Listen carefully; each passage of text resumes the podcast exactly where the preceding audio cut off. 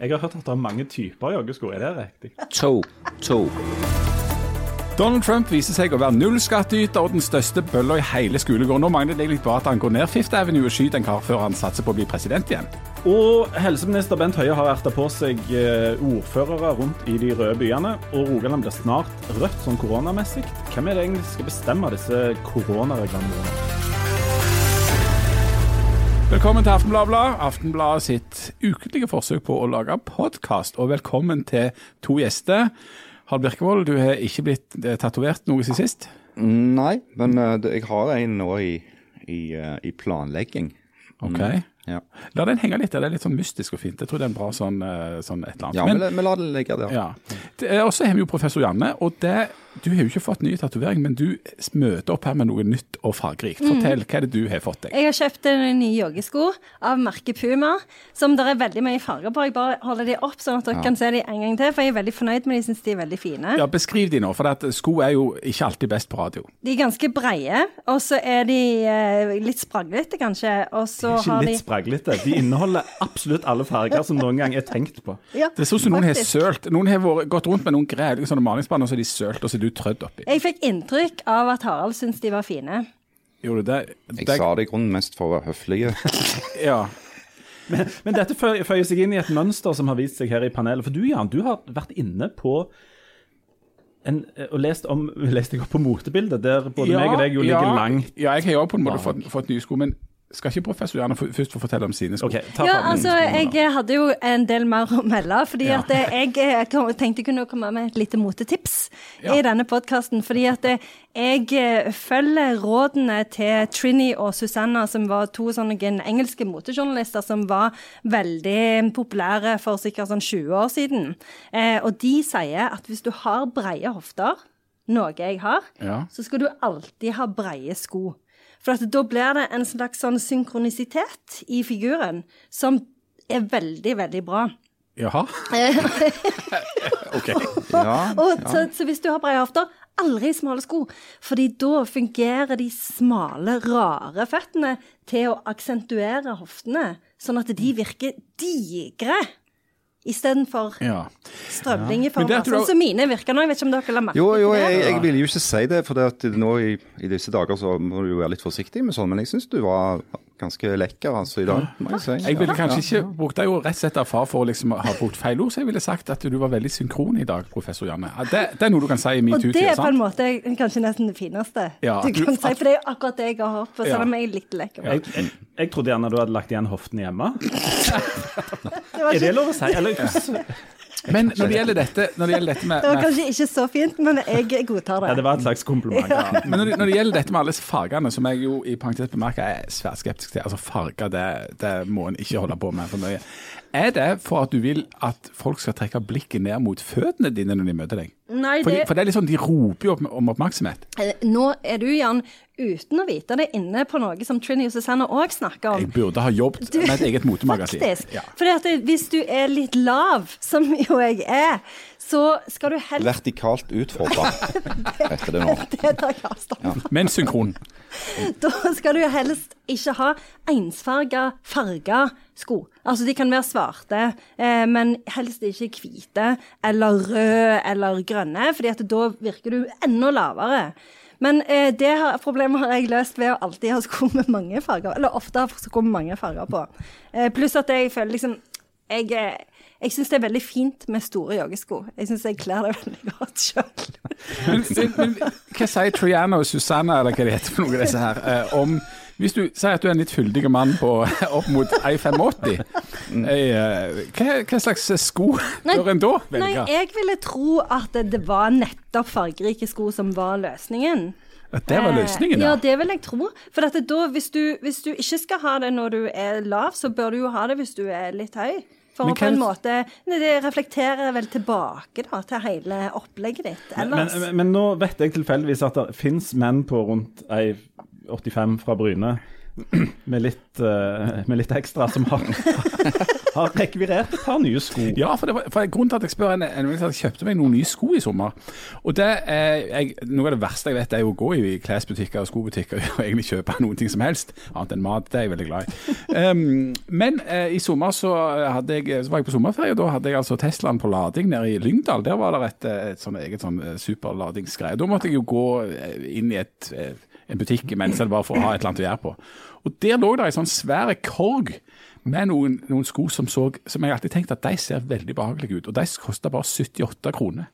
Og så klarte jeg da å finne to eh, som, som matcha i størrelse da, og i farge. Ja, som var like, Mørkeblå som ja. var like. Ja. For de lå liksom sånn hulter til bulter oppi der. Så Hva farge de- var de var? Mørkeblå? De, mørkeblå, ja. Ja. Det, er jo, altså, det er det maksimale jeg strekker meg inn for dette med farge. Mørkeblå. Jeg kan gå i svart, grått, mørkeblått. Ikke brunt engang. Jo, tidvis, ja. Jo, jeg kan det. Eh, og, der, og så Da kjøpte jeg altså mine første Crocs. Herregud i Og, himmelen. og, dermed var, I 2020. og, og så var gleden da så stor. For i går så satt jeg da i mitt tomme liv eh, med denne skjermen framfor meg da og scrolla. Og så var jeg inne på, på vg.no, og, og der dukket det opp ei overskrift der det sto 'Motebransjen har talt. Crocs er trendy'. Og så tenkte jeg way. for første gang i hele livet har jeg truffet et eller annet motemessig. Så nå, nå har jeg da altså eh, kjøpt for 78 kroner det mest trendy du kan få innenfor sko. Men eh, Ser dere opp til meg nå, Atle? Jeg, jeg tror Ikke i det hele tatt. Det står Altså. her. Jeg tror ikke på det. Så, så, nå viser jeg Hvem, hvem, hvem, hvem er det som bruker Crocs? Eh, ja, det var noen sånne bloggere jeg aldri har hørt Altså om. Når de sier at motebransjen har talt, så er det jo en eller annen skroting. Eh, Marianne, Marianne Theodorsen. Ja, skroting, sant, som sier at eh, nå er Crocs eh, det er sexy som faen. Og alle vet jo at Crocs altså, Crocs er jo det, det står skrevet 'taper' Ja. over hele deg. Ja, Men, men altså, hør, jeg bare, bare spør, Var det ekte Crocs? Fordi at eh, Det er ekte Crocs. Jeg, jeg har hatt en god del utgaver av uh, uekte, såkalte schmox og schmcrocs og lignende. Som er Floks. pinnestive, ekstremt vonde, men de koster 39 kroner og er veldig sånn uh, fleksible. Men du har rett og slett gått til innkjøp av et par ekte Crocs. Ja, for jeg forsto at det var noe sånn sosialt stigma med det. At det liksom var sånn problematisk. Så tenkte jeg her er the real deal. For jeg har hatt noen unger som har hatt noen sånne smocks og Dox og eh, Han har sagt nesten et ord til, Ja. men det skal jeg ikke. Og de har vært litt sånn, eh, sånn slakke. Men disse her er liksom fastere samtidig som de gynger fint når du går. Mm, Eh, Men så er det jo altså så enormt praktisk. Sånn at den danske bloggeren Trine Kjær som er en Trine sånn, Kjær, ja. Jeg vet Ja, ikke ja. hvor jeg skal begynne. Uh, hun hun framhever dette hvor, hvor behagelig. Og hun hadde sagt, før jeg fikk barn, jeg har lest denne artikkelen nøye, at, at hun skulle aldri liksom bli sett eh, død i noe sånt som dette her, men nå har du fått barn. Det var kjempepraktisk. Men behagelig er jo én ting. Behagelig er jo sjelden bra. Altså Nei, behagelig er jo behagelig. Ja, fordi det er behagelig.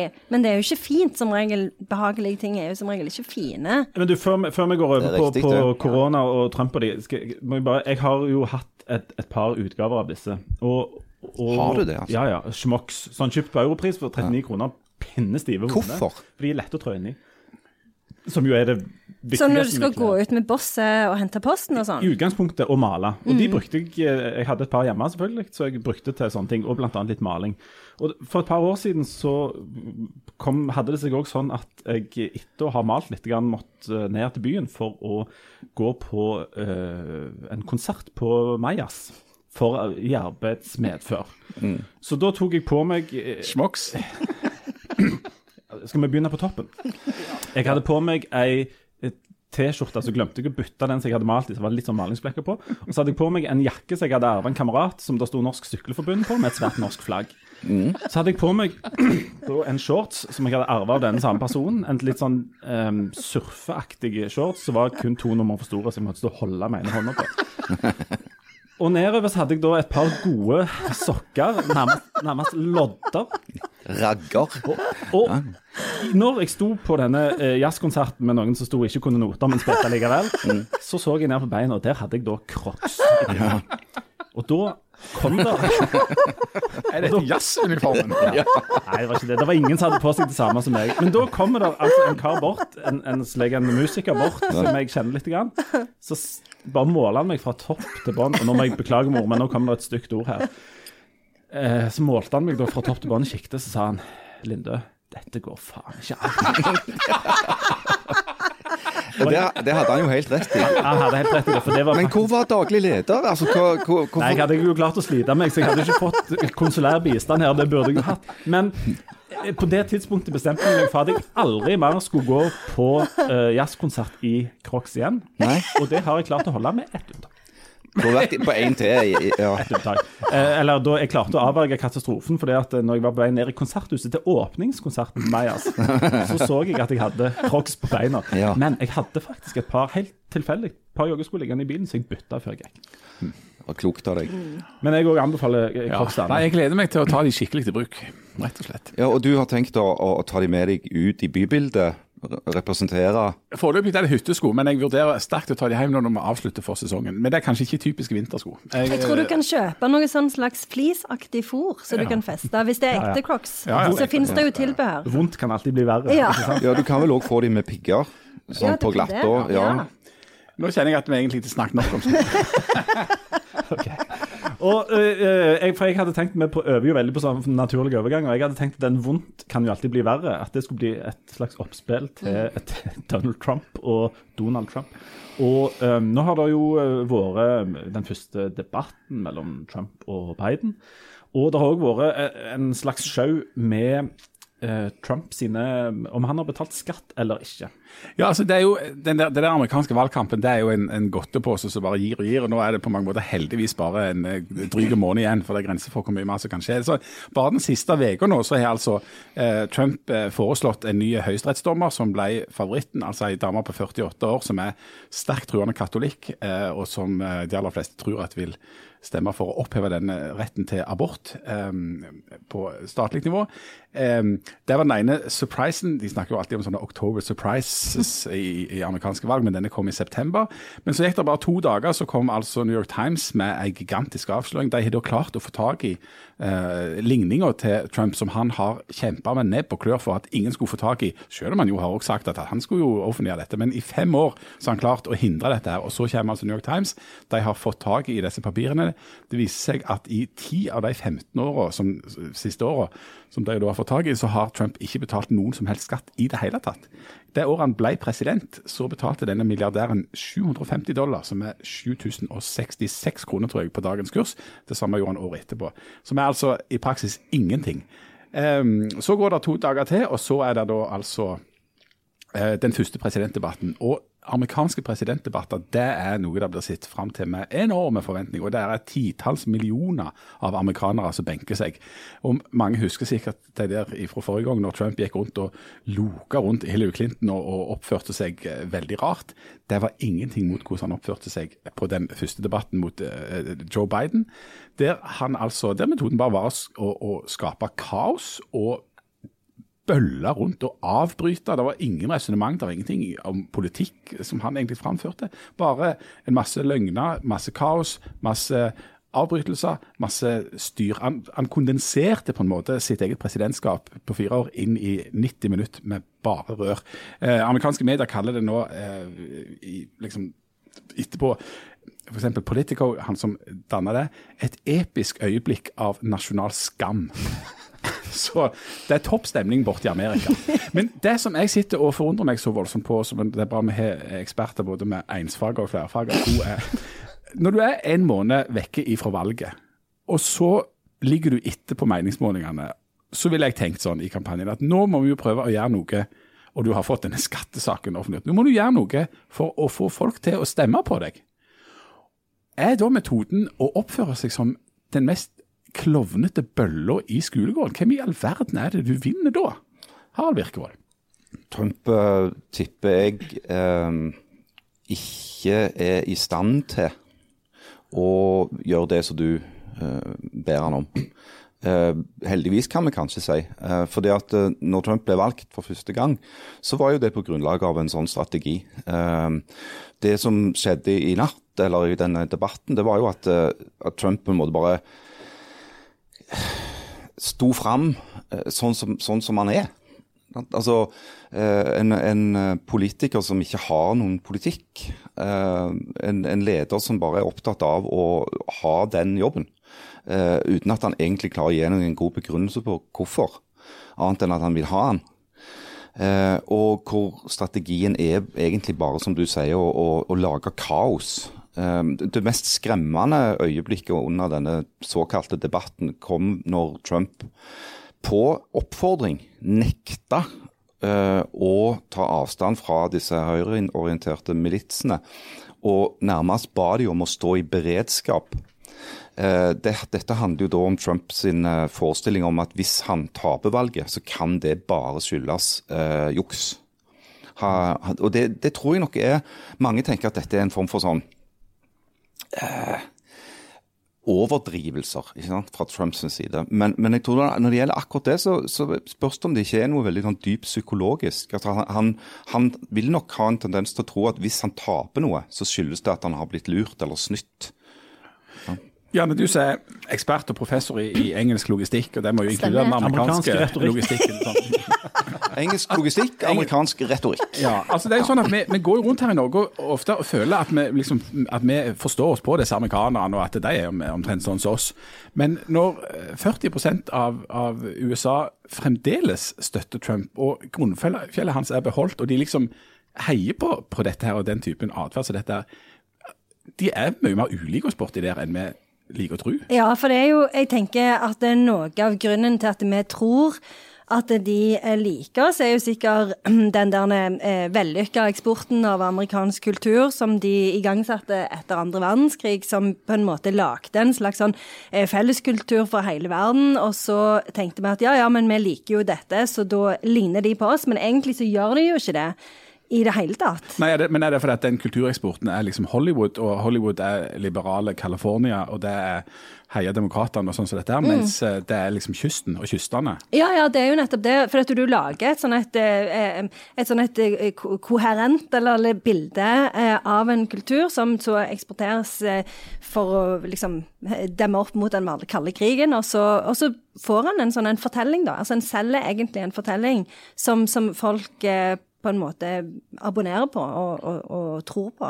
Men, eh, men, det som jeg, jeg syns er, er, så utrolig vanskelig å forholde seg til med Trump, er jo det der med at han eh, eh, kjører jo denne anti-etablissement-fortellingen eh, som han har holdt på med hele tida. Selv om han har vært president i fire år, så presenterer han seg jo som om han er en sånn en politikere som står utenfor dette her, denne eliten og de som har liksom makten og sånn. Og det er så utrolig at han liksom bare får lov til å gjøre det. At det er ingen som pirker liksom på den sårskorpa der. Altså, han, han, er jo på en måte en outsider. Uh, Iallfall i forhold til det politiske miljøet. For du må huske på at Trump ikke hadde hatt et eneste tillitsverv. Han hadde ikke engang vært leder i FAU altså før han ble president og fikk det høyeste tillitsvervet du kan ha som på jorda. Eh, noe som jo i, i utgangspunktet gjør han til en outsider. Eh, I tillegg så er det jo veldig mange som snakker om disse 40 sånn cirka som utgjør denne basen hans, og som ville støtte han i tykt og tynt. Eh, som om de er bare er dumme. og Det tror jeg er en feilslutning. For det at Bakgrunnen for at Trump i det hele tatt kunne bli valgt, var jo at et veldig stort antall amerikanere føler seg fundamentalt svikta av de politiske elitene. Globaliseringen har rasert amerikanske industribyer. Eh, det er en veldig stor opplevd uh, følelse av avmakt hos mange amerikanere mot et system som de verken forstår eller aksepterer. Eh, føderalstaten i USA, Washington, er veldig langt unna for veldig mange amerikanere.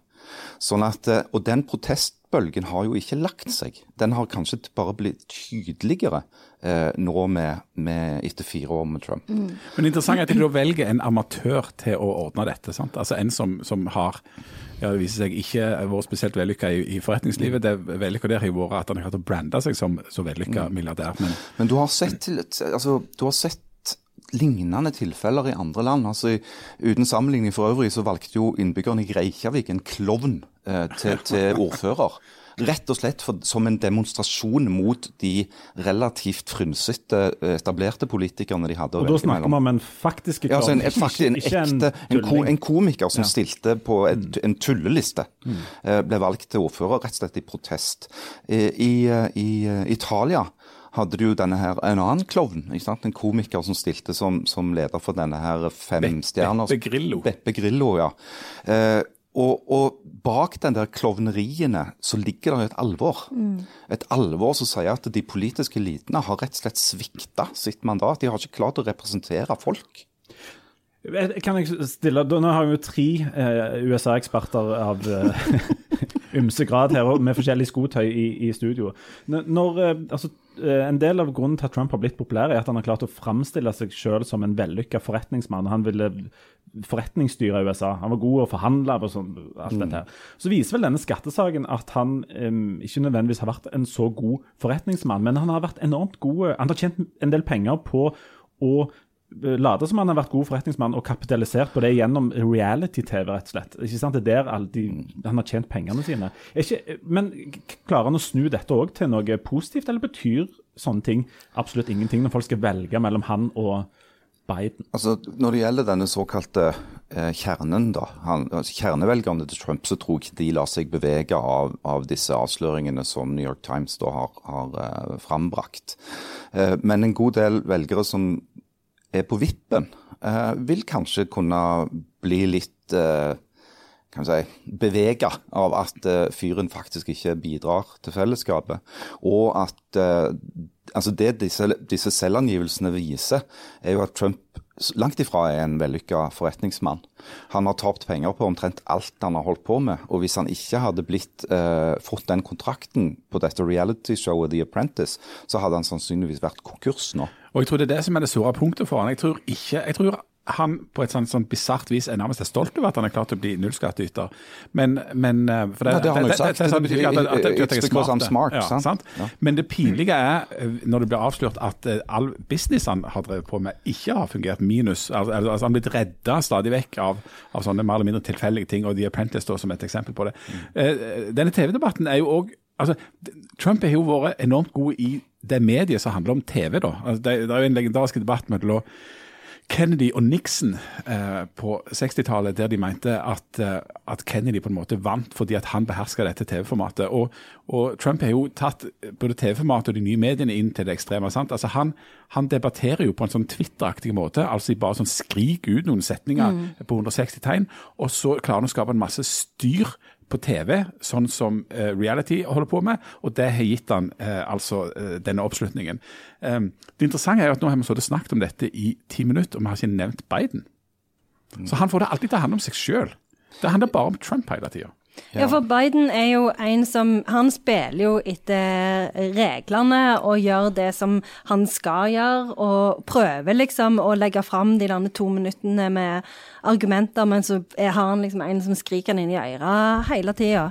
Så, så det, det, er jo liksom um, ja, så, det, så, han fikk jo ikke fram det budskapet. Han, han er jo verken en som er bølla i skolegården, eh, eller en politiker, fordi at han fikk ikke anledning til å jeg, si, jeg, tror, jeg, tror, jo at Biden han deltar i disse debattene fordi han må. Eh, det er jo ikke noe, Du har jo egentlig ingenting å, å hente uh, i en sånn situasjon. Men hvis Biden hadde nekta å stille, så ville jo Trump ha beskyldt han for å være fake. Og så, klarte han, så, så det kan han ikke. Og så klarte han å motbevise det som jo har vært Trump-kampanjen sitt, eh, sitt storpoeng, nemlig at, at, Biden liksom er 77 år og komplett senil mm. og ikke klarer både å stå og snakke en hel setning på en gang. Der ligger jo lista veldig lav. Så bare det at Biden stiller opp kan snakke, klarer å holde roen iallfall mesteparten av tida, så motbeviser han jo det som har vært liksom, Trump-kampanjen sin store teori eller uh, framstilling hele tida. Og Trump baserer seg jo bare på lyge. Det er bare uh, løgn og, og, og sjølskryt. sant? Og så uh, Biden han, han, er jo en slags litt sånn bestefar oppi dette her, men han sammenligna med, med, hvordan dette har foregått tidligere i USA, så har jo han også, dro han òg til. Altså han uh, sa ting som uh, 'hold kjeft' og uh, 'du er den verste presidenten vi noen gang har hatt' og sånn. så så jeg det var noen som, som, som, skrev at Al Gore, tror jeg det var, i sin tid ble hudfletta fordi han under en av disse debattene hadde himla med øynene. Det var ikke verdig for en presidentdebatt. og her skjedde det jo ting som var ja, ganske langt ut forbi det. Ja, De siste fem åra har jo flytta eh, altså det, det har endra alt eh, når det gjelder hva det går an å tillate seg både som kandidat og faktisk også som president. Uh, og det spørs jo om det går an å flytte det tilbake igjen. Ja, for det, det tenkte jeg vi skulle avslutte denne runden her med. Er, vi har just, altså, det er mange som frykter at dette her uh, smitter og sprer seg og sånn. Mm. tror du, Harald, at vi kan se eh, at sånne grenser blir flytta i Norge òg. I Norge er, de, er politikerne ganske høflige og siviliserte og eh, kan liksom gratulere hverandre med, med en godt gjennomført debatt om Sova. Eh, kommer vi til å få noen sånne spor av dette i Norge? Vi har det allerede. Eh, Et av sporene heter Sylvi Listhaug. eh, Som jo gjentatte ganger har eh, sagt ting som er som har skapt politiske bruduljer. Det har jo til og med sagt ting som førte til at du måtte gå av som statsråd. Eh, som jo er en, en Altså der du ser at at en, en, en tillater seg på en måte å påstå ting eller framføre ting om politiske motstandere som, som ikke er sant, da, men som tjener mer et sånt retorisk formål. Ikke sant? Eh, sleiking av imamer og sette terroristers rettssikkerhet høyere enn nasjonen sine innbyggere osv. Eh, som, som er veldig sånn harde politisk retorikk, eh, og som òg er veldig vanskelig å finne faktagrunnlag for. Eh, og det er noe noen en bare må påregne. Men, men, men det, at hun, at det at det ble så store saker av at hun sa de tingene, og at det endte med at hun måtte gå av, tyder jo på at vi er på en annen plass. Ja, Her, eh, fremdeles. kanskje du har rett i det. Eh, men jeg syns nok at vi ser tendenser til et hardere ordskifte eh, i norsk politikk òg. Eh, for det er jo ikke bare Listhaug. Eh, det er andre i hennes parti som har en sånn retorikk. Der er en del på den ytre venstre kanten som har en veldig hard retorikk. Eh, og jeg er redd for at, eh, at en kan flytte sånne grensestolper ganske raskt når de først liksom ryker. Jeg tror de burde tatt på seg mye mer behagelige sko. Jeg anbefaler Crocs. Crocs, ja. Men det er jo òg denne relativiseringen av sannheten som har kommet med Trump, med det denne fokuset på fake news, som jo er et konsept som bare finnes overalt nå. Og det, der, og det har jo med det som du sa, Harald, med at du kan liksom slenge ut hva som helst nå, så lage din egen fortelling, og så har du jo sånne eh, faktasjekkere og liksom motkrefter som prøver liksom også snakke for på en måte fakta og sånne ting. Men, men bare det at det begrepet fins, og at det er så tilstedeværende i debatten, Altså- viser jo at, det, han har, at Trump har hatt en sånn veldig negativ effekt som kommer til å vare. Altså Det var jo veldig tidlig i Trump eh, sin presidentperiode, det var ikke så lenge etter innsettelsen, at hans eh, strateg og rådgiver Kellyanne Conway sa de berømte ordene. ikke sant? We have alternative facts. Ikke? Eh, og det, det sier egentlig alt. Altså, Det er ikke lenger sånn at du har altså Fakta er, er noe som folk er enige om. Sant? OK, du sier det regner. Jeg sier det sol. Og Det er jo en ting da med, med Trump når han skal da ut i debatt eller ut i åpent lende. For han, måten eh, staben hans har klart å liksom, omgås han på en måte, er jo at de ikke gir han eh, den typen informasjon som han ikke liker, for det fikser han ikke. Så han har jo vært pakka inn i en sånn boble av alternative fakta hele tida. Og, og eh, hvor godt han klarer å forholde seg til utenomverden, det viser seg jo da når han må ut i debatt. Ja, ja. Tror, tror dere, bare helt, helt kjempekort, tror dere at de som kommer til å være mest sånn eh, Trump-inspirerte i Norge neste valg, er det nye partiet Sentrum, som har tenkt å klemme seg inn i det åpne gapet mellom Venstre og Kristelig Folkeparti? Bare helt kort, der er altså Er det de som tror på mennesker? Ja, og det gode i menneskene, og er er helt uenige med Nei, jeg er helt enig med absolutt alle andre som er snille. Altså, jo, Norge, det, det som jeg syns var litt spesielt med, med da dette som kalles seg sentrum Det er et nytt parti i Norge. altså, Nytt parti eh, fronta da av, eh, av byråd i Oslo, Geir Lippestad. foran, forhenværende byråd. eh, og da sønnen til Kjell Magne Bondevik, som så vidt jeg vet aldri har profilert seg som noe annet enn sønn til Kjell Magne Bondevik. Det må jo holde i masse Eh, Men, men, de, men de har jo da starta et parti, sier de. Men, men de har jo ikke det. Altså, det de må gjøre nå, er først å samle 5000 underskrifter. Og det skal jeg si deg er ikke lett eh, å få til. Har de kontakta deg? Ikke med mindre de er du er sønn til Kjell Magne Bondevik. Ja, ja, du sier at du er sønn til Kjell Magne Bondevik, da. Så, så kan det være du får Men nå har jo far da til sønnen til Kjell Magne Bondevik sagt at han kommer iallfall ikke til å støtte det partiet. Så han, han har jo en litt tung jobb da der. Eh, du, det, det det er en vond følelse der når du, når du skal ut og overta verden, og du ikke får støtte fra egen familie. far din liksom bare Nei, jeg Ja. tror ikke det. Der sønnen kan si til faren 'også du, min far, Brutus'. Ja, det kan han si. Ja. Men, men jeg skulle Jeg blir Jeg skal ikke akkurat spise hatten min, men, men jeg blir Jo, kom igjen. Nå må du, gå, nå må du legge litt i potten her, eh, Birkevold. Jeg skal spise en veldig Du må være en veldig, veldig liten hatt. Hvis, Jeg har et forslag. Hvis, mm. hvis dette nye partiet, som heter da Sentrum, som er styrt av sønnen til Kjell Magne Bondevik Han har sikkert et eget navn, men, Nei, men vi kaller han bare for sønnen Ja. til Kjell Magne Bondevik. og Lippestad, og en del sånn avskrellinger fra Kristelig Folkeparti, som jo, når de ikke ble eh, eh, røde, men blå. Hvis de kom inn på Stortinget ved neste valg, da foreslår jeg at du tatoverer eh, Sentrum på, på den ene På et sentralt sted. Dette er et familieprogram. Ja, ok. Ja, det hadde jo vært litt tøft hvis du Nei, du kan ikke. Sentrum. Ah, jeg vet ikke hvordan det hadde I heimen, hvis du hadde kommet Nei, vi, vi går ikke ned. Vi går ikke ned den mørke bakgaten, nei. Men er det, er det, er det egentlig rom for et sånn et eh, nytt sentrumsparti som heter Sentrum, styrt av sønnen Kjell Magne Bondevik i Norge? Trenger vi det? Eh, Ja, vi trenger det, vet ikke. Altså, jeg syns for så vidt det er litt artig når det kommer nye partier, sånn som bompengepartiet. Nå er ikke egentlig MDG så nytt, men et stort MDG er veldig nytt. Uh, at det er litt artig i en sånn demokratisk sammenheng. At eh, folk som engasjerer seg eh, i samfunnet og ønsker å forandre det, faktisk kan organisere seg, lage et parti og få makt. Det er jo sånn demokratiet skal være. Men, jeg, tror, jeg har ikke tro på akkurat dette partiet.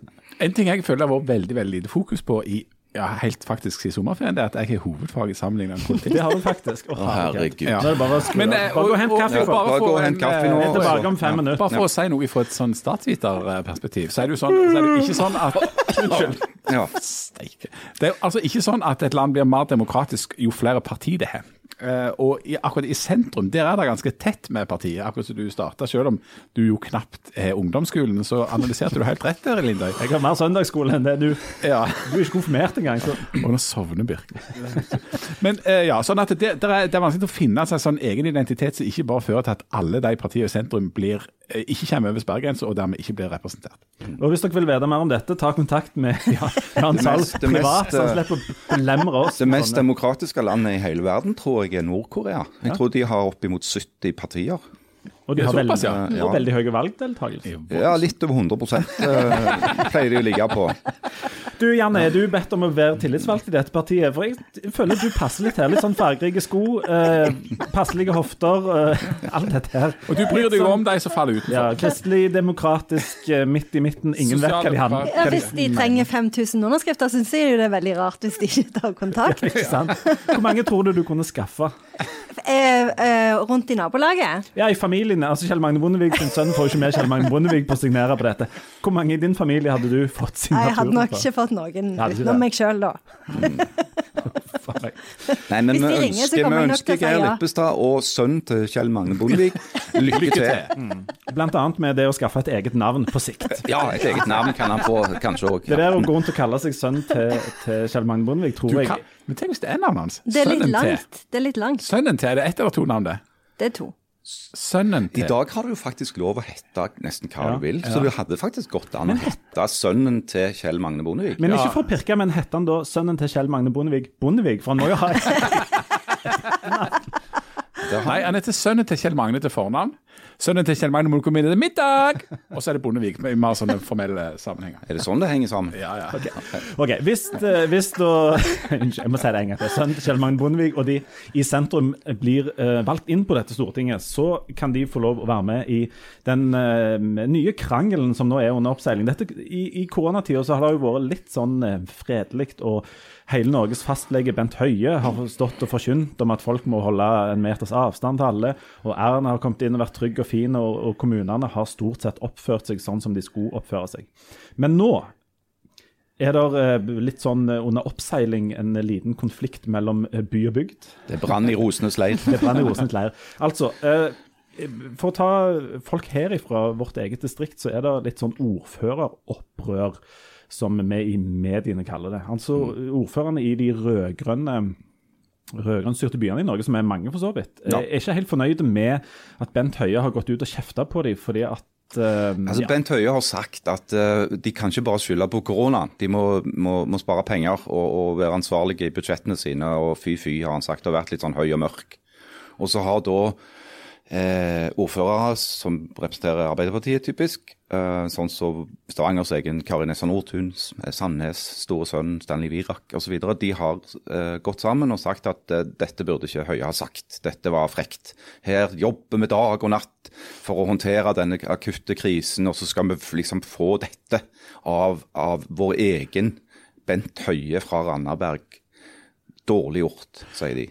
Og borte i Oslo de er de ikke så opptatt av Randaberg, men der har det òg altså vært en brudulje mellom byrådsleder Raymond Johansen og Høie, der Høie eh, vel sa på en litt sånn ja, litt sånn mafiabåsaktig måte at OK, hvis ikke dere fikser dette med å innføre strengere tiltak, så kommer vi til å gjøre det på mandag. Sånn at dere kan enten innføre strengere tiltak eh, mandag før lunsj, eller så kommer vi til å gjøre det.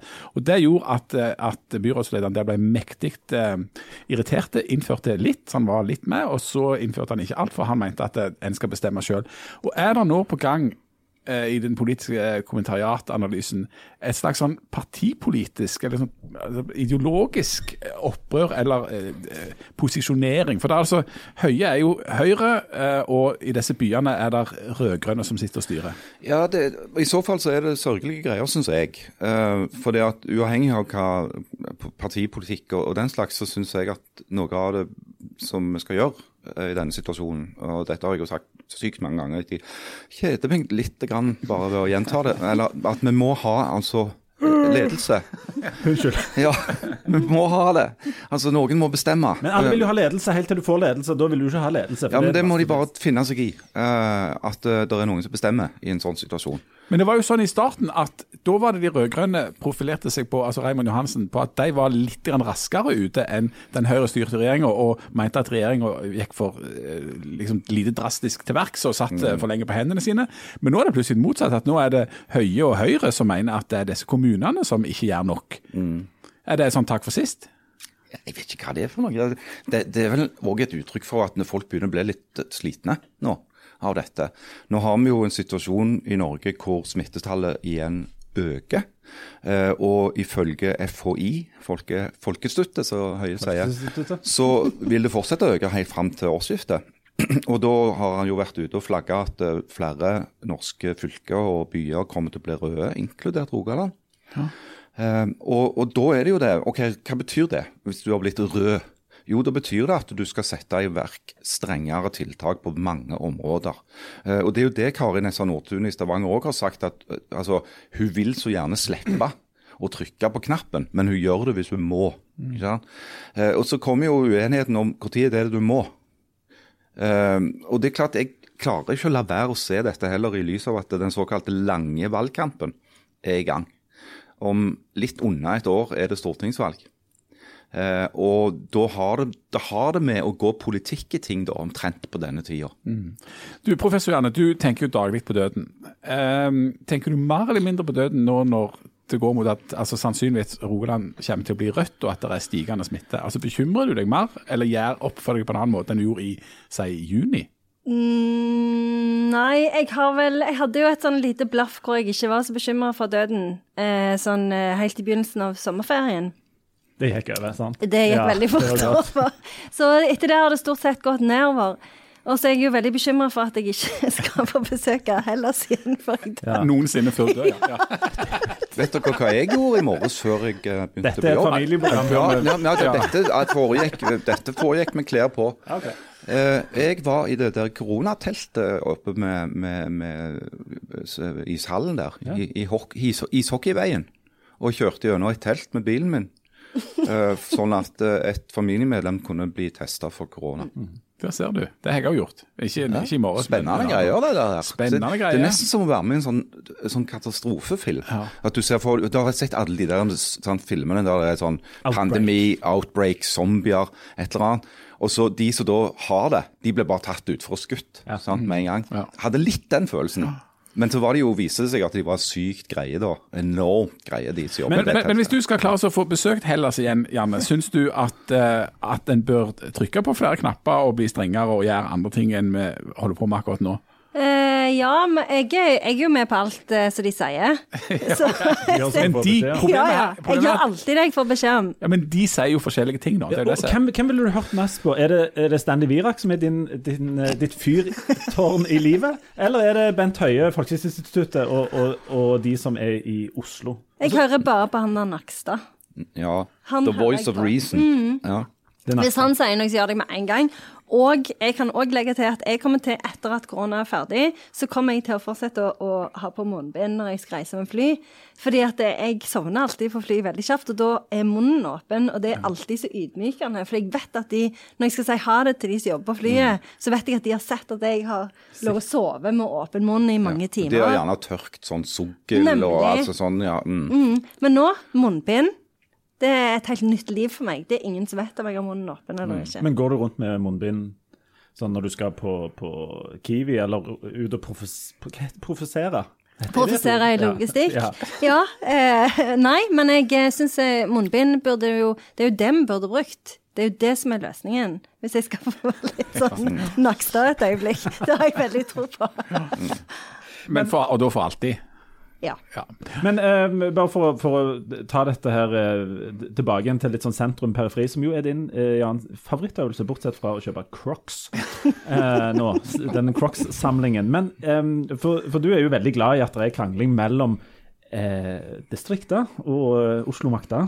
ja.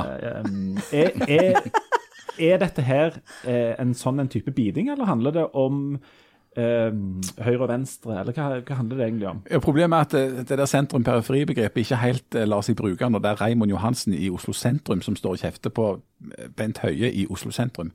Så det er jo ikke helt eh, sentrum-periferi-konflikt akkurat det. Så det, der er det nok en del politikk. Men det er litt, litt sentrum-periferi i at kommunene eh, Jeg mener at kommuner skal få bestemme ganske mye selv, og, og kommunene har veldig stor råderett over sånn smittevernlov å bestemme lokalt.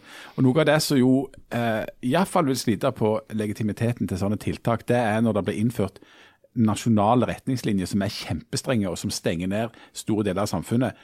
I f.eks. kommuner der det ikke er ett eneste smittetilfelle, sånn som det var i vår. Det tror jeg ikke er veien å gå. sånn at eh, igjen, Denne Nakstad er er et fornuftig menneske. Der er vel, han sier vel at strategien er at en skal jobbe på en måte med de lokale eh, oppblomstringene og, og ta seg av dette lokalt. og, at, og Sånn sett så er det viktig å ha aktive kommuner. Men, men da er det viktig at de kommunene er aktive ut fra sånne smittefaglige hensyn, vil jeg si, og ikke at de skal drive med sånn politisk markering og sånn revirgreie. Og det er kanskje én ting altså Vi har jo brukt en del tid eh, hver for oss og i sammen til å le litt av svenskene. Men det er kanskje én ting å lære av svenskene. Det er at de, er- de er litt mer sånn teknokrater enn oss nordmenn. De overlater dette til Tegnell, de. Han tar seg av det. Og Kanskje vi òg skulle bare gjort sånn som professor Janne og sagt at dette overlater vi til Nakstad.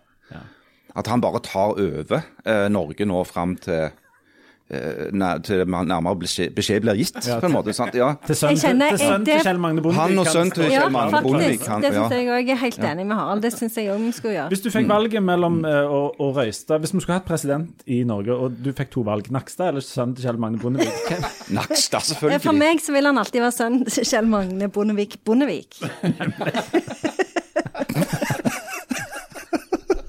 OK. Nå, nå, skal, nå er vi over til den faste spalten som vi nesten alltid glemmer. Det er at Janne, som er da, eh, professor i eh, samfunnsmedisin skal- Er det engelsk eller norsk samfunnsmedisin? Samfunnslogistikk heter det.